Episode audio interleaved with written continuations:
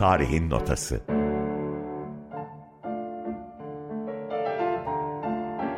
Müzikli bir tarih rotası. Seyit Yöre ve Ece Tanyeli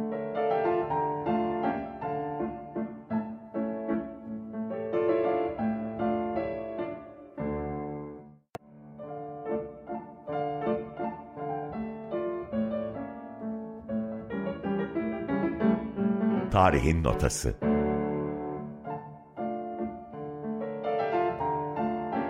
Müzikli bir tarih rotası Seyit Yöre ve Ece Tanyeli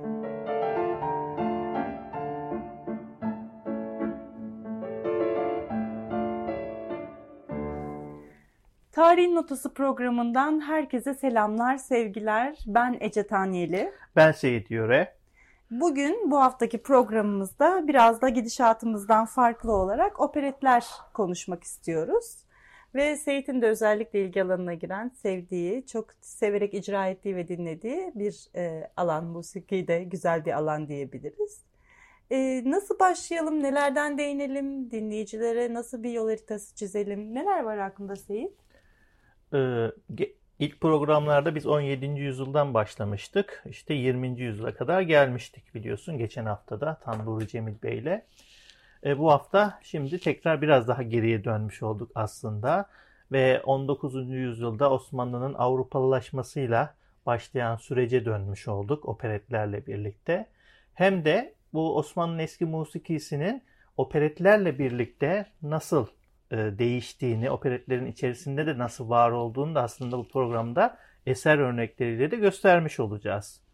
Önce istersen kısaca operetlerin nasıl başladığını hani dünyada kısaca bahsedelim. Sonrasında Türk operetleri asıl konumuz hani ona geleceğiz. Hı hı. Ee, operetler e, 19. yüzyılda Fransa'da e, başlıyor aslında. Jacques Offenbach diye bir besteci var. Onun öncülüğünde ilk örnekleri var. Daha sonra e, Viyana'da e, daha çok öne çıkıyor e, 19. yüzyılda. Operetlerin operadan farkı aslında daha hafif e, olmaları, konularının daha hafif olması, daha işte güldürüye yönelik e, olmaları, içerisinde dansların ön plana çıkıyor olmaları. O yüzden de halka daha çok hitap ediyor, daha çok geniş kesimlere hitap ediyor.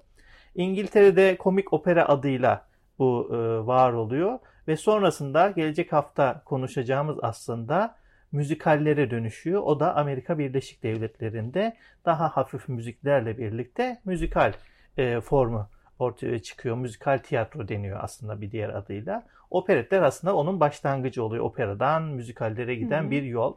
Ve bunu bunlar tabii ki müzikli sahne sanatları eserleri. Tiyatroyla müziğin aslında birleşimi e, bunlar. Hem sahne sanatları hem de müzik birlikte e, var oluyorlar bu e, formların içerisinde. Sonrasında da aynı yüzyıllarda aslında Osmanlı'da 19. yüzyılda e, Osmanlı'da da operetler e, başlıyor. E, bugünkü programımızın aslında esas konusunda onlar e, oluşturuyor. Tek tek onlardan evet. hem eser dinletip hem de e, bahsedeceğiz e, örneklerinden. Şimdi hem aslında geç dönem Osmanlı'ya hem de erken dönem Cumhuriyet'e bir bakış atacağız gibi görünüyor. Tabii e, sen çok güzel bahsettin opera ile operet arasındaki farktan. Biraz belki etimolojik olarak da bakabiliriz. E, Latince'de opus olarak kullanılan yani yapıt anlamına gelen kelimeden türeyen bir e, kavram aslında opera. İtalyanca yani yapıtlar orada çoğulukla birlikte yapıtlar anlamına geliyor. Gerçekten de bir hani o yapıtı karşılayan bir kelime. Çok küçük, güzel görebiliyoruz. Küçük opera Küçük olarak opera. Evet, deniyor aynı zamanda. Evet. Zaten demin de söyledin sen hani Avrupa, Batı Avrupa oradaki aristokrat zümreye hitap eden aslında müzikal bir tiyatro türü. Üstelik oldukça da uzun soluklu yani hani günlerce sürebilen müzikal bir oyun türü. Ee, İtalya'nın Floransa'da e, o kentte meydana gelen ilk örnekler olduğunu biliyoruz mesela. Ya da işte e, kısa bir süre içerisinde bir süre sonra zaten gitgide büyüyerek işte o güldürü, yergi unsurlarını, kimi zaman politik hiciv, bunları ya da işte bir e, gerçek hayatta yaşanan bir aşk hikayesinin işte edebiyatla eşliğiyle de büyütülerek müzikle de insanların hani gündelik hayatına katabilecekleri bir E, dedikodu unsuru hani bu da çok e, müziğin yaygınlaşmasında da aktif bir şeydir unsurdur. Böylelikle bestelerin de büyümesiyle Avrupa'da yayılıyor. Evet, Avrupa'daki aynı zamanda e, toplumsal değişiklikle de birlikte aslında operetler e, daha çok işte halka inen hani operalar daha üst düzey kesime hitap ediyor gibi görünüyor. Hı hı. Operetler ise daha çok toplumun e, geniş kesimine hitap eder gibi görünüyor zaten. Ve operetlerin şarkıları tabii daha çok ağırlıklı şarkı var ve kulakta daha çok kalıcı şarkılar hani daha çok herkes tarafından söylenebilecek gibi olan şarkılar besteleniyor özel olarak. Operalardaki aryalar daha ağırdır çünkü. Evet. Onu herkes söyleyemez. Her, hepsi kulakta kalan eserler değillerdir. Daha zordur teknik olarak. Böylelikle e, operet biraz daha e, toplumun geniş kesimine yönelik bir e, form olarak ve sahne sanatları dal olarak ortaya çıkmış oluyor. Evet dediğim şu değindiğin mesela Avrupa'daki kültürleşme meselesinin Osmanlı'ya yansıması ve nasıl e, bize doğru ilerlediğine ilişkin birazdan değerlendirmelerde bulunalım. Ama öncesinde ilk kaydımızı dinleyicilerimize dinletmiş olalım istersen. Hangisini dinletelim? Ee, şeyi seçebiliriz. Biz Köroğlu yavrusuyuz. Evet aslında e, Dikran Çuhacıyan e, Osmanlı'daki ilk e, operet bestecisi. E, ondan biraz bahsetmiş olalım. Leblebici Hor Hor e, Ağa diye onun bir eseri var. Arif'in Hilesi, Köse Kahya gibi ilk operetler bunlar. E, ondan dinleyebiliriz aslında. Leblebici Hor Hor operetinden Biz Köroğlu Yavrusuyuz e, eserini Ohannes Efendi'nin plak kaydından dinleyebiliriz. Odon, rekord. Leblebici ikinci parça.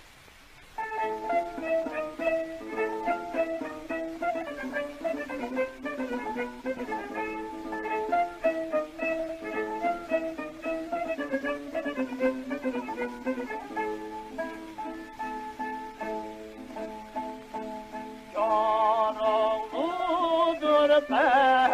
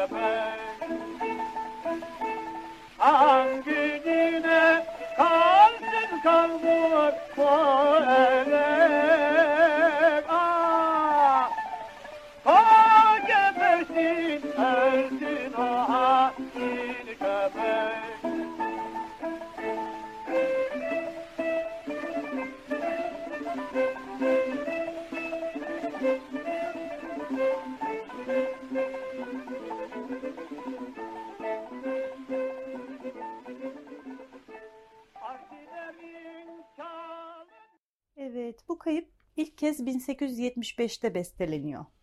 İlk defa da 11 Ocak 1876'da sahneleniyor. Beyoğlu Fransız e, tiyatrosunda. Tabii üç perdelik bir operet. E, librettosu da Takvarnalyan'a ait. Evet. E, Dikran Çuhacı'nın aynı zamanda o dönemlerde kendisinin Osmanlı Opera Kumpanyası adında da bir topluluğu var. Ha, Burada da bahsetmiş olalım. Operet dediğimiz bir e, aynı zamanda eser olmakla birlikte Cumhuriyet döneminde işte 1950'lere kadar gelen süreçte çeşitli operet toplulukları oluşmuş. Aynen tiyatro toplulukları gibi. Bunlar... Peki bu isimlerinden türüyor değil mi? Operetin kendi isminden aslında büyük bir o olay var orada ve evet. ardından o topluluğa hani tamamen topluluğa dönüşüp bir organizasyona bir organizasyona dönüşüyor aslında ve içinde çeşitli işte oyuncular, şarkıcılar birlikte e, bu operetleri sunuyorlar. Daha çok şarkı ağırlıklı gidiyor ama bunun içinde e, replikler de var. E, eserden esere göre değişiyor. Kimisi daha çok konuşma ağırlıklı hani olabiliyor. Kimisi daha çok şarkı ağırlıklı olabiliyor. Koristlerin söylediği ona göre yazıldığı. Evet falan. koristler var yine solistler var aynı şekilde. Şimdi plak kayıtlarında da zaten hem korolu eserlerimiz var hem de solist e, olan eserlerimiz var. Evet bu ilk dinlediğimiz Leblebici Horhor'daki kayıtta zaten İstanbul'da yaşanan gerçek bir aşk hikayesi üzerine bestelenen e, ve yazılan bir eserdi. Evet bu eserin bir başka özelliği de istersen ondan da bahsedelim. E, sinema tarihiyle de e, ilişkisi var. E, hı. Kısaca onu da vurgulamış olalım. Evet 1876'dan sonra 1920'lerde Muhsin Ertuğrul ilk işte Türkiye sinemasının başlangıcında e, bu eseri de film haline getiriyor ve Nazım Hikmet'in işte senaryo uyarlamasıyla birlikte ve 1934'te bu film ilk defa 2. Venedik Film Festivali'nde ödül alıyor. Ve bu e, e, eserle birlikte, operetin filmiyle birlikte Türkiye sinemasında ilk defa bir ödül e, alınmış e, oluyor. İpek film miydi o zaman? E, İpek film yapıyordu. İpek Aynen film, İpek film. E, o zaman Muhsin Ertuğrul'un ve Nazım Hikmet'in çalıştığı İpek film şirketi yapıyordu bu tür filmleri. Evet. Çok sayıda operet aslında Muhsin Ertuğrul tarafından film yapılmıştır. Hı hı. 1930'larda ve çoğunun da senaryosu Nazım Hikmet yazmıştır. Onlardan daha sonraki programlarımızda bahsedeceğiz evet. zaten. Mahlas'la birlikte Evet, mahlaslarıyla birlikte. O zaman e, bir kayıt bir kaydımız daha var e, dinleyicilerimiz için senin özel olarak hazırladığın. Evet, bugün programımızda bir konumuz var. E, ses kaydıyla yer alacak tabii. E, Profesör Mesut İktu, bilenler biliyordur. E, Türkiye'nin önemli uluslararası opera sanatçılarından ve opera yöneticilerinden birisidir. Ondan e, operet hakkında düşüncelerini aldık ve onu da e, sizlerle paylaşmak istiyoruz. Tarihin Notası Değerli hocam, Tarihin Notası programı için sizin operetle ilgili görüşlerinizi almak istiyoruz. Öncelikle teşekkür ederiz katkılarınızdan dolayı. E, öncelikle operetle ilgili sanatsal görüşünüz nedir hocam? Kıymetli Seyit Yöre dostum. E, çok güzel bir konu ya değiniyorsunuz. Özellikle de operet konusunda şu anda devlet opera ve balelerinin repertuar anlayışı açısından da bir eksiklik olduğunu tespit ederek konuya başlayayım. Operet e, aslında çok seçkin bir sahne sanatı türüdür. Onu operadan ayıran en önemli iki şey vardır. Bir tanesi konularının daha hafif diyeceğim, daha güler yüzlü, daha tebessümle karşılanacak, daha eğlenceli, daha dansları olan Özellikle içinde e, çok fazla balenin e, dans olarak kullanımı e, sahne üzerinde özellikle bazı e, genelde böyle operetlerde ortak şeyler vardır. Mesela balo sahneleri vardır. O balo sahnelerinde e, mutlaka e, baletler, balerinler sahneye çıkar ve başta yapılan koreografı neyse ona göre eseri çalışır, e, icra ederler. E, operadaki konuşmalar hani resitatif diyoruz. Fakat operette bir anda müzik susar. Belki sahnede koro da vardır. Dansçılar da bir köşeye çekilir. Başrol oyuncusu diyelim ki tenorla soprano uzun bir söyleşiye başlarlar. Bir tiyatro gibi aynı tiyatro tonlamasıyla bir söyleşi yaparlar. Sonra müzik başlar. Ya o e, söyledikleri gibi bir düete dönüşür ya da ikisinden birisi sahneden çıkar bir arya olur o. Yalnız operadaki aryalarla operetteki aryaları birbirine karıştırmamak lazım. Daha güler yüzlü izlersiniz ve genel anlamda operetlerin sonu da hep biraz güler yüzlü biter. Benim toplam 7-8 yıllık iki dönem opera müdürlüğü tarihimde mutlaka bir operet vardır. Dünyada yazılmış çok operetler var. Biraz da e, ana yurdumuza gelelim istiyorum. Cumhuriyet öncesi yazılmış hı hı. operetler, Cumhuriyet sonrası yazılmış operetler. Mesela onlardan bazılarına söz edeceğim. Mesela Dikran Çuhacıyan'ın ilk operet sayına Leblebici Horhor 1800 1976'da sahnelenmiş ilk kez. Ve 1923'te de Muhsin Ertuğrul tarafından filmi çekilmiş. Çok popüler olmuş. Leblebici Hor Hor. Fakat şunu da söylemeden geçemeyeceğim. Cumhuriyet öncesi operetlerin dili, konuşmaları, konu itibariyle de evrensele çok yakındır. Çok güzel işlenmelidir. Bana deyin ki bu akşam Leblebici Horror var. Yani uça uça gider seyrederim. Bir kere önünüzde bir tarih var. Düşünebiliyor musunuz? Kendi dilinizde 1876'da bir ilk operet oynanıyor. Türk opereti. Bence bu yazılanların hepsi çok değerli eserlerdir. Mesela Türk müziği tarzında operetler yazmıştır. 20. yüzyılın mesela ilk yarısının ortalarında veya daha gerisi Muhlis Sebahattin Bey. Ankara Devlet Opera Balesi geçtiğimiz sezon Muhlis Sebahattin Bey'in Ayşe operatını sahneledi. Ben göremedim ama resimlerini gördüm. Son derece başarılıydı. Zeybekler, Köse, Kahya bunlardan en önemlileri. Bunlar Cumhuriyet öncesi sıra dışı olmuş. Daha sayılacak çok eser var.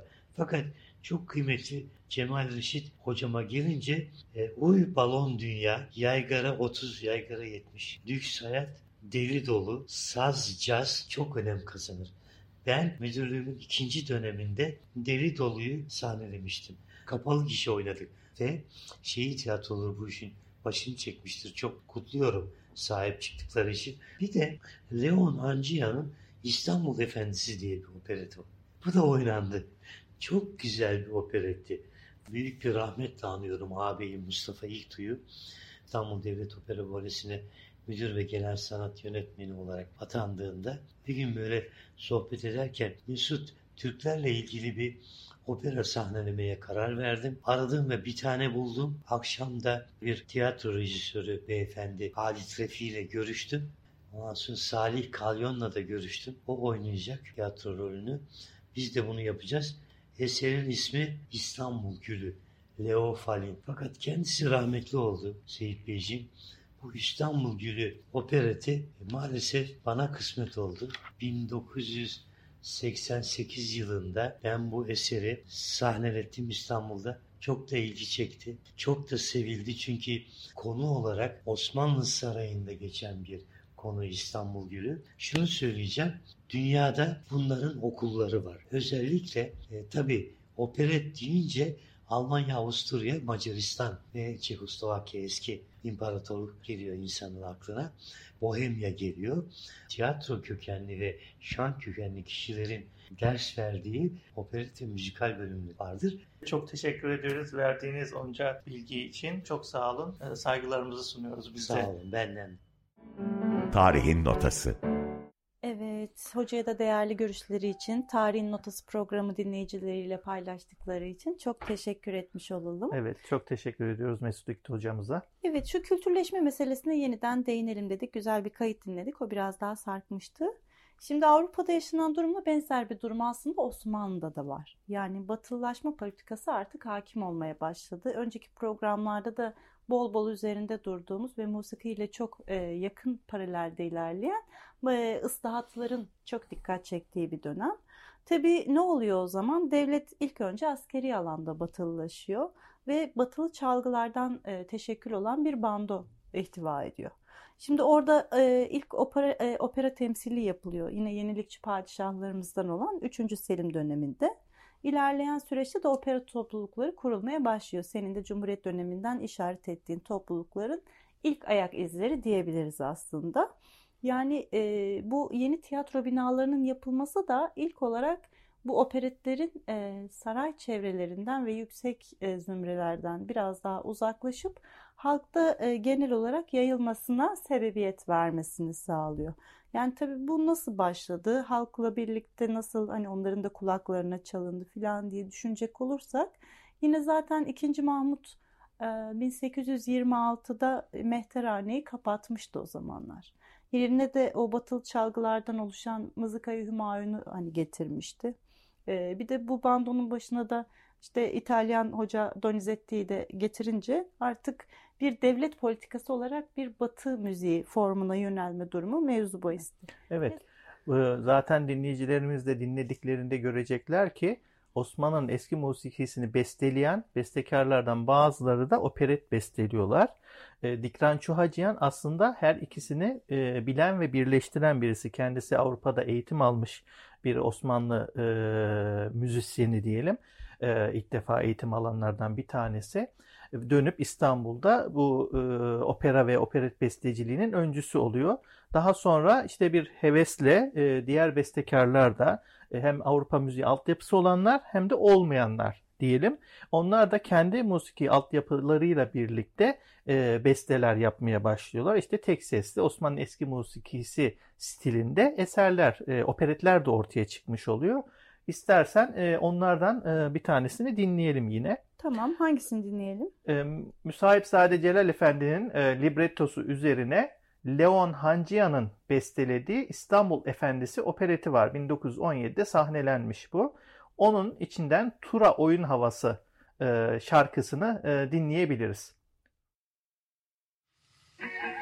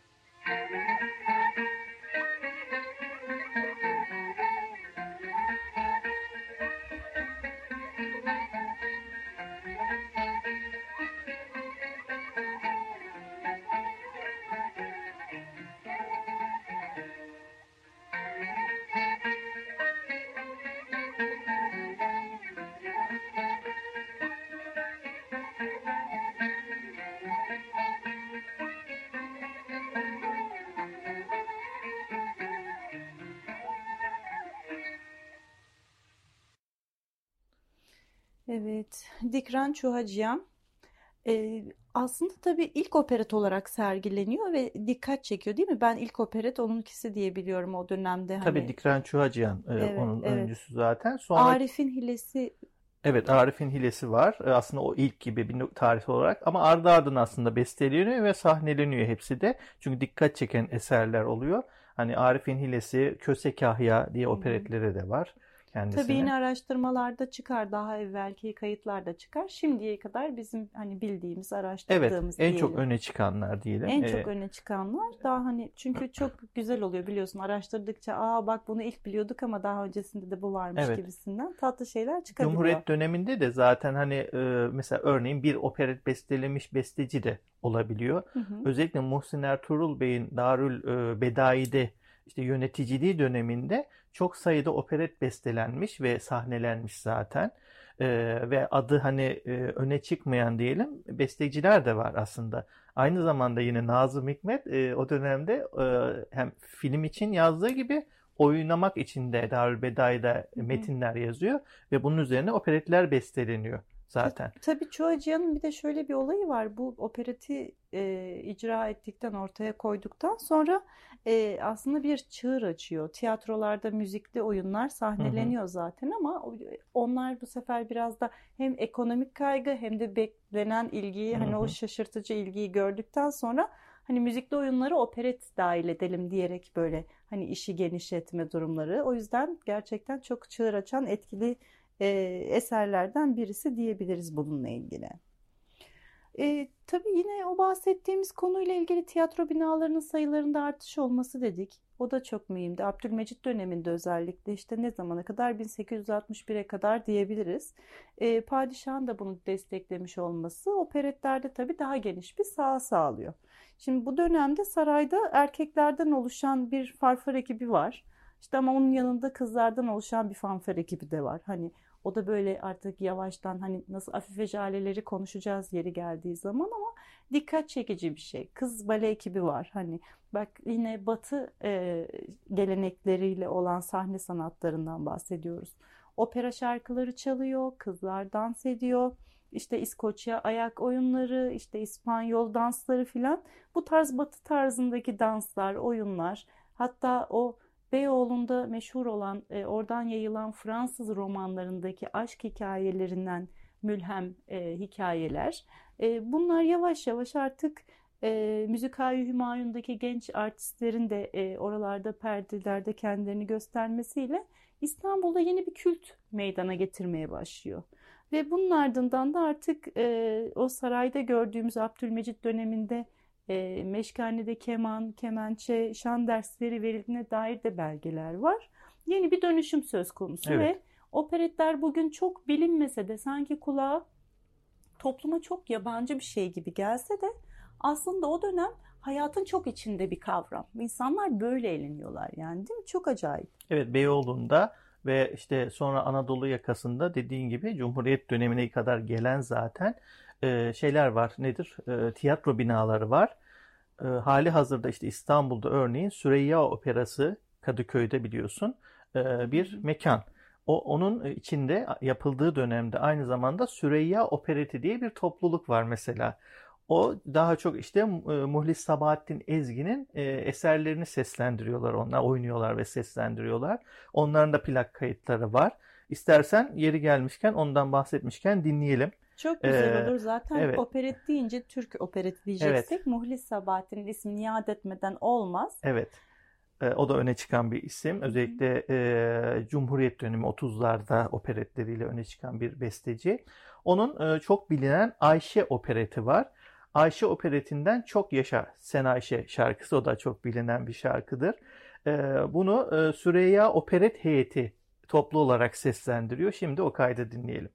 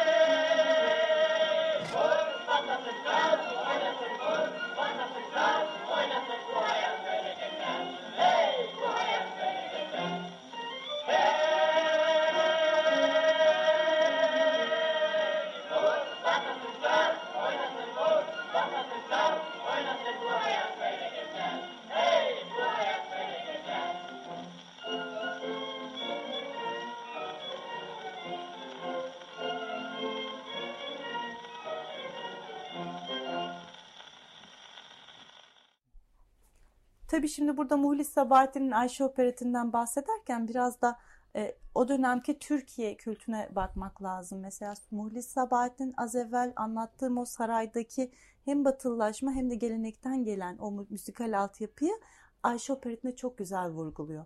Çünkü nedir? 20'lerin Türkiye'sinde iki kült var orada ayırdığı. Bir Ege, mesela daha köyü temsil eden, halayların, horonların olduğu bir kült. Bir de aynı zamanda İstanbul var. İşte daha batı, işte bahsettiğimiz kemanlar, geçişler, violonseller filan. Hani operete dair batı müziğine ilgili. Onu mesela Mulli Sabahattin çok güzel yansıtmış o alışımı. Hani biraz sonra konuşacağımız kayıtlarda da benzer durumlar var ama e, belki Ayşe Opereti'nin çok tutmasında, başarılı olmasında Muhlis Sabahattin'in müzikal yeteneğinin ve altyapısının haricinde sosyolojik yapıyı iyi okuyarak halkın karşısına bu tarz bir eserlerle çıkması da olabilir diye düşünüyorum ben. Evet olabilir. Mesela o Ayşe şarkısı şimdi dinlediğimiz Hicaz makamında bir eser ve onu günümüzde radyolarda e, tek başına şarkı olarak örneğin o Osmanlı müziği repertuarında halen seslendiriyorlar örneğin. Tarihin Notası Evet, e, o zaman şeyi hatırlatalım tekrar. E, sosyal medya hesaplarımızı hatırlatalım. Hı hı. E, Twitter'da ve Instagram'da tarihin notası e, hesapları üzerinden bizi takip edip görüşlerini belirtebilirler. E, paylaştıklarında da daha fazla kişiye ulaşmasını sağlayabilirler. Şimdiden teşekkür etmiş olalım. Evet teşekkür Dinleyicilerimize ederiz. de sevgilerimizi gönderelim buradan. Hemen onlara diyorum ki e, Macun Hokkası operetinden bir eserle e, teşekkürlerimizi sunmuş olalım. Ne yapalım? Ya Rabbi şükür evet, diyebiliriz. E, Kaptanzade Alizda e, Bey'in e, eseri Müsahipzade Celal Efendi yine metni yazıyor ve Nıvart Hanım'ın icrasıyla dinliyoruz. Dinliyoruz efendim.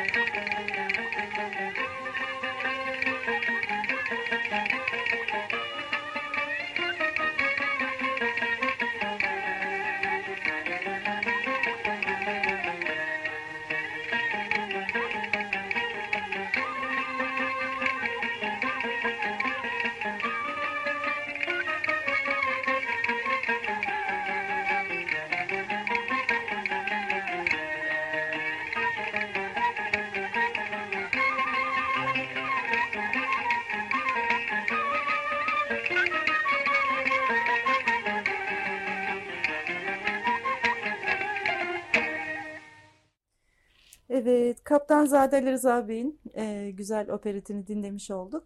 Ki kaldı kendisi muhteşem musiki eserleri de bestelemiştir. Çok sevdiğimiz şarkıları var. İlerleyen programlarda mutlaka dinleteceğiz seninle Evet, kendisi aynı zamanda bahsetmişken tango ve foxtrot formlarında öncüsüdür. Evet. Şimdi ne yapıyor bu topluluklar? Düşünsene Türkiye'de turneler düzenliyorlar. Evet, Bu çok turneler, önemli evet. mesela. Yine bunların e, çok dikkat çekici olduğunu şeyden söyleyebilirim. Geçen e, bir bakınırken dikkatimi çekti de e, orada mesela bir belge buldum. 1935 tarihli bir belge. E, eski bizim müsteşarımız Ahmet Fikri Tüzer vardır işte şey döneminde, e, tek parti döneminde. E, onun eşi Fikri Tüzer kocasına yazıyor bu mektubu. İşte mektubunu aldığını sevindiğini yazıyor falan. Eski yazıyla tabii kaleme almış. E, orada operete gittiğini anlatıyor ve o, o sırada e, yan sandalyelerinin tesadüfen boş olduğunu ve bundan büyük mutluluk duyduğunu e, hatta komşusu Fuat Paşa'nın hanımının da orada olduğunu filan böyle kişisel bir mektup belirtiyor. Tabii burada dikkatimi çeken husus e, operete gidip mutlu olması ve o kadar demek ki yoğun ilgi var ki bu operetlere tesadüfen hem sağ koltuğunun hem sol koltuğunun boş olmasına şaşırıp sevinmesi. Evet. Hani Evet. keyifli, rahat oturmuş, rahat izlemiş. Bu belgede aslında bize e, bunu göstermiş oluyor yani sosyolojik bakımdan. Evet, ispat diyebiliriz hani bu İspat yani küçük bir e, mektup. E, evet. her zaman tarihi belge niteliği olur. Hani çok kişisel güzel bir mektup. Hatta şimdi onu ben tarihin notası programından paylaşıyorum. Twitter'dan da görebilirsiniz. Oradan o, e, dinleyicilerimiz de istifade etmiş olurlar. Eski yazı çevirmedik ama hani okuyabilenler ya belki çevirir koyarız diye bakarız. E, o zaman diyorum ki bir tane daha şey yapalım. E, güzel bir kayıt daha dinleyelim. Bol kayıtlı bir programımız olmuş olsun. Hangisini seçmek istersin? Ee, yine Müsahipzade Celal e, Efendi'nin e, yazdığı metnini e, Yedekçi opereti var. Onu da muallim İsmail Hakkı Bey e, besteliyor. Hem geleneksel anlamda bestekar hem de e, yenilikçi bir bestekar. Muallim İsmail Hakkı Bey de. Onun e, Yedekçi operetinin Ah Çelebim şarkısı var. Mügegan Hanım'la Ahmet Bey bunu e, seslendiriyorlar. Bir düet aslında. Bunu dinleyelim.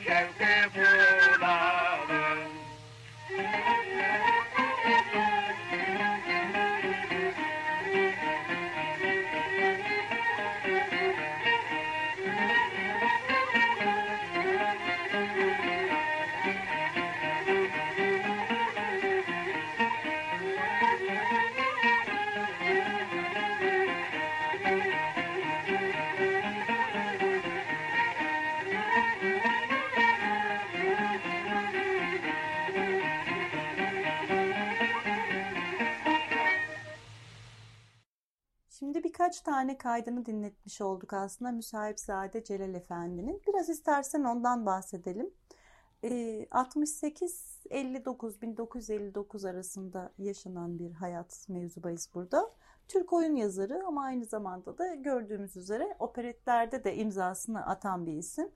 Ee, özellikle tabii birazdan da göreceğiz. Ee, Cemal Reşit Rey ile de olsun, Muhlis Sabahattin'le de olsun, e, Muhsin Ertuğrul'la da olsun pek çok önemli eseri e, zaten yıldız isimler var ya Evet böyle. belli isimler var tabii. Onlar öne çıkıyor zaten. Evet, ilk yazı tiyatro alanında da ilk yazılı eserlerin verildiği hani şeye denk geliyor onun başarıları. Evet Türk e, ya- yazar olarak, Türk, Türk oyun yazarı yazarı olarak.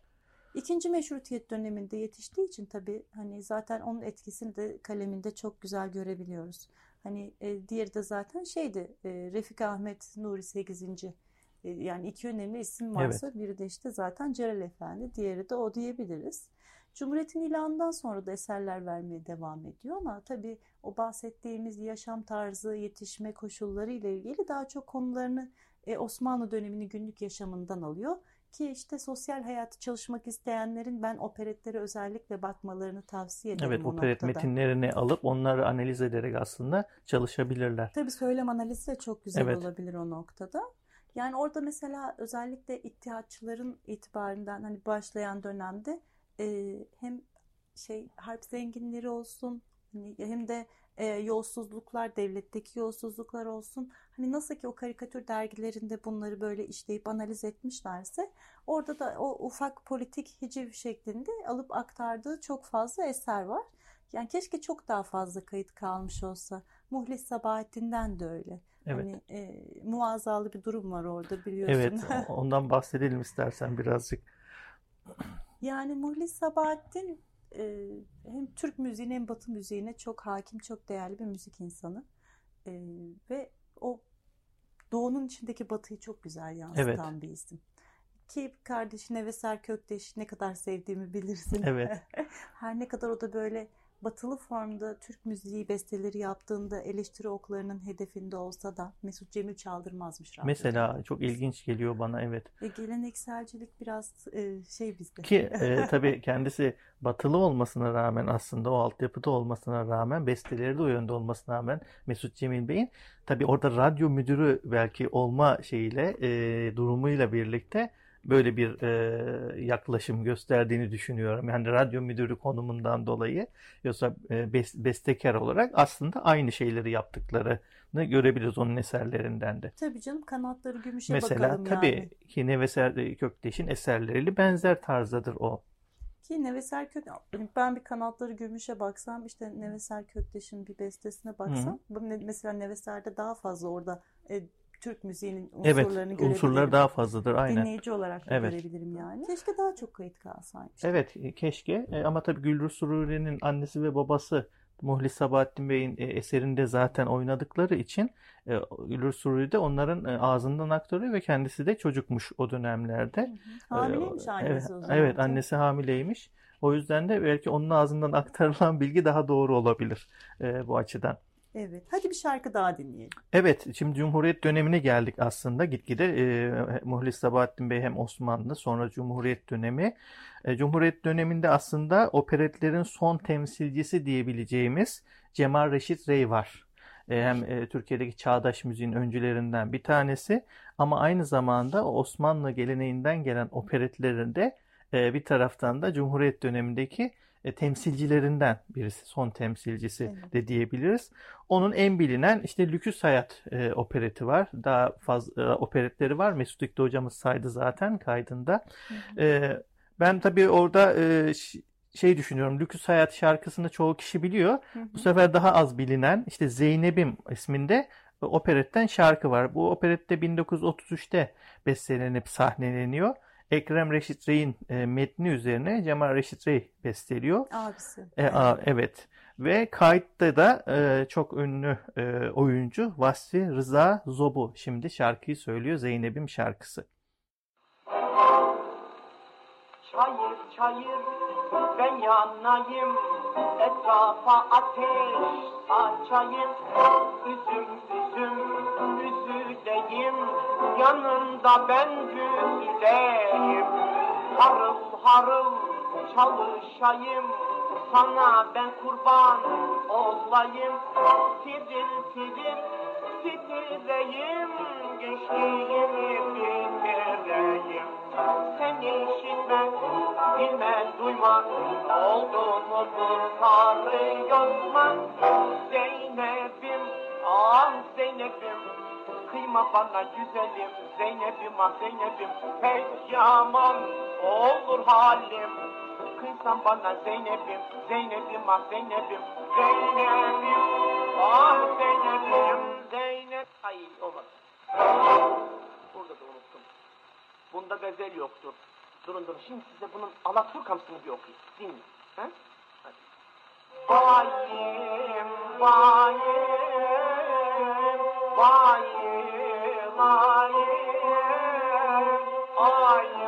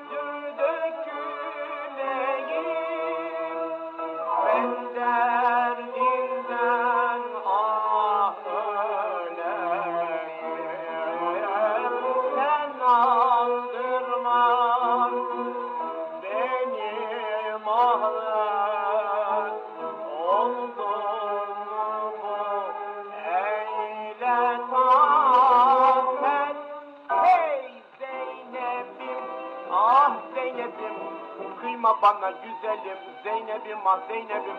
Pek yaman olur halim.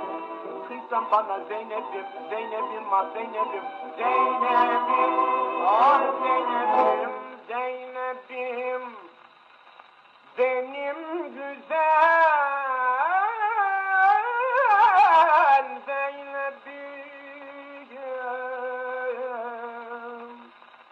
Gel bana gel benim ol Zeynep'im Evet, tabii burada biraz da e, yine maddi bir beklenti var lüks hayatta.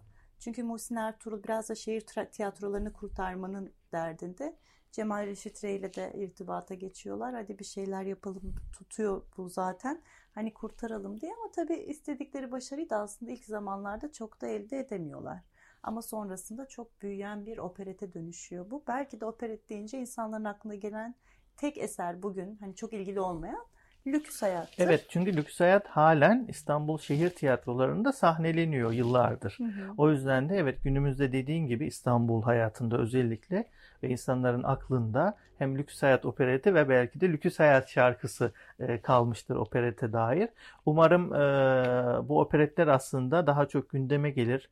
Belki İstanbul Şehir Tiyatroları ve Devlet Opera Balesi'ni içerisinde bunlara daha çok yer verilir diye ümit ediyoruz ki Evet. insanlara daha çok bu tarihi e, belge niteliğindeki eserler ulaşsın. Evet, tabii burada da yine batılılaşma eleştirisine ufak bir vurgu açabilirim.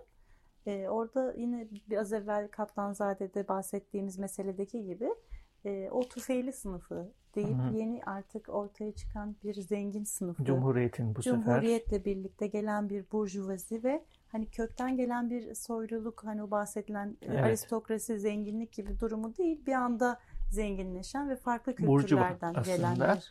E, ve onların e, yaş- yeni yaşam tarzına adapte olma biçimi, kültürleşme durumlarını biraz ironik, biraz da böyle işte kibir budalası gibi hani Evet. tabirlerle aktardıkları, eleştiri getirdikleri bir şarkı. O alafranga özentiliğine. Evet işte e, Şişli'de bir apartman e, söyleme kavramı. Evet, evet, Evet, e, çok şar- dikkat çekiyor bu Şarkının o içinde bile tek başına zaten o şarkı bile bunu simgeliyor aslında. O dönemdeki bir zengin yaşamını, özenilen zengin yaşamını e, göstermeye çalışıyor. Evet, şimdi o zaman yavaştan programımızı kapatıyoruz. Ee, bu haftada böyle operetleri konuşmaya çalıştık Evet. dilimiz döndüğünce. Çok da tatlı kayıtlar Evet. e, belirledik. Kayıtlarımızı hepsini Seyit seçti. Ama bir tanesini ben seçtim. Sor, dedi hangisi dedim söylemeyeceğim. Aa, öyle. Evet, şimdi artık benim seçtiğim kaydı Tamam, dinletmeye peki. geldi sıra. Ee, şimdi yine aslında başta da yaptığımız üzere ben yine Leblebici Horhor operetinden bir şarkı seçtim. Bahar geldi. Belki tanıdık Tanıdık evet benim için. tanıdık gelmiş olabilir. Sevgili Ayça Ayto'la birlikte yaptığın e, albümde senin icranı dinleyecek ilk kez e, Evet. dinleyicilerimiz. Ne güzel Bakalım oldu. sevecek misiniz? Tatlı. Ben, ben çok sevmiştim o zaman. Evet. Zaten albüm çok güzel bir albümdü. E, şimdi o zaman Bahar Geldiği dinliyoruz. Evet bahar geldiğinde artık yeni bir kayıtla dinlemiş oluyoruz aslında plak kayıtlarından sonra güncel bir kaydını dinlemiş oluyoruz. Ne mutlu benim için de. Evet, hepimiz çok mutlu olduk. O zaman programımızı kapatırken dinleyicilerimize söylemek istediğin bir şeyler varsa operetlerle ilgili. Ee, herkese sevgiler sunuyorum. Ee, operetlerin kayıtlarını YouTube'da da bulabilirsiniz. Farklı kayıtlar da var orada. Dinlemek isteyen, ilgisini çekenler için. Bunu söyleyebilirim son, son kez ve gelecek e, hafta tekrar görüşmek dileğiyle sevgiler sunuyorum. Esen kalın, müzikle kalın. Bahar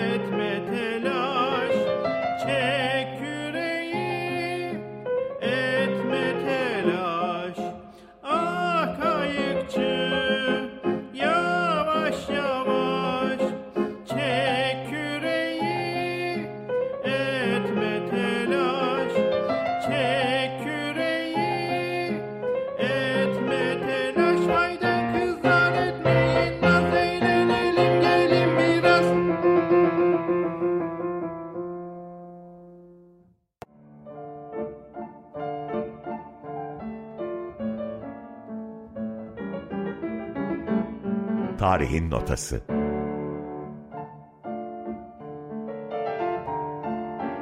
Müzikli bir tarih rotası.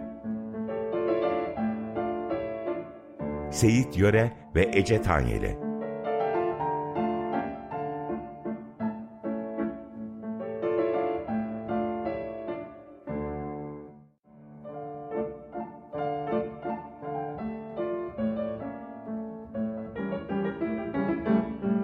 Tarihin Notası.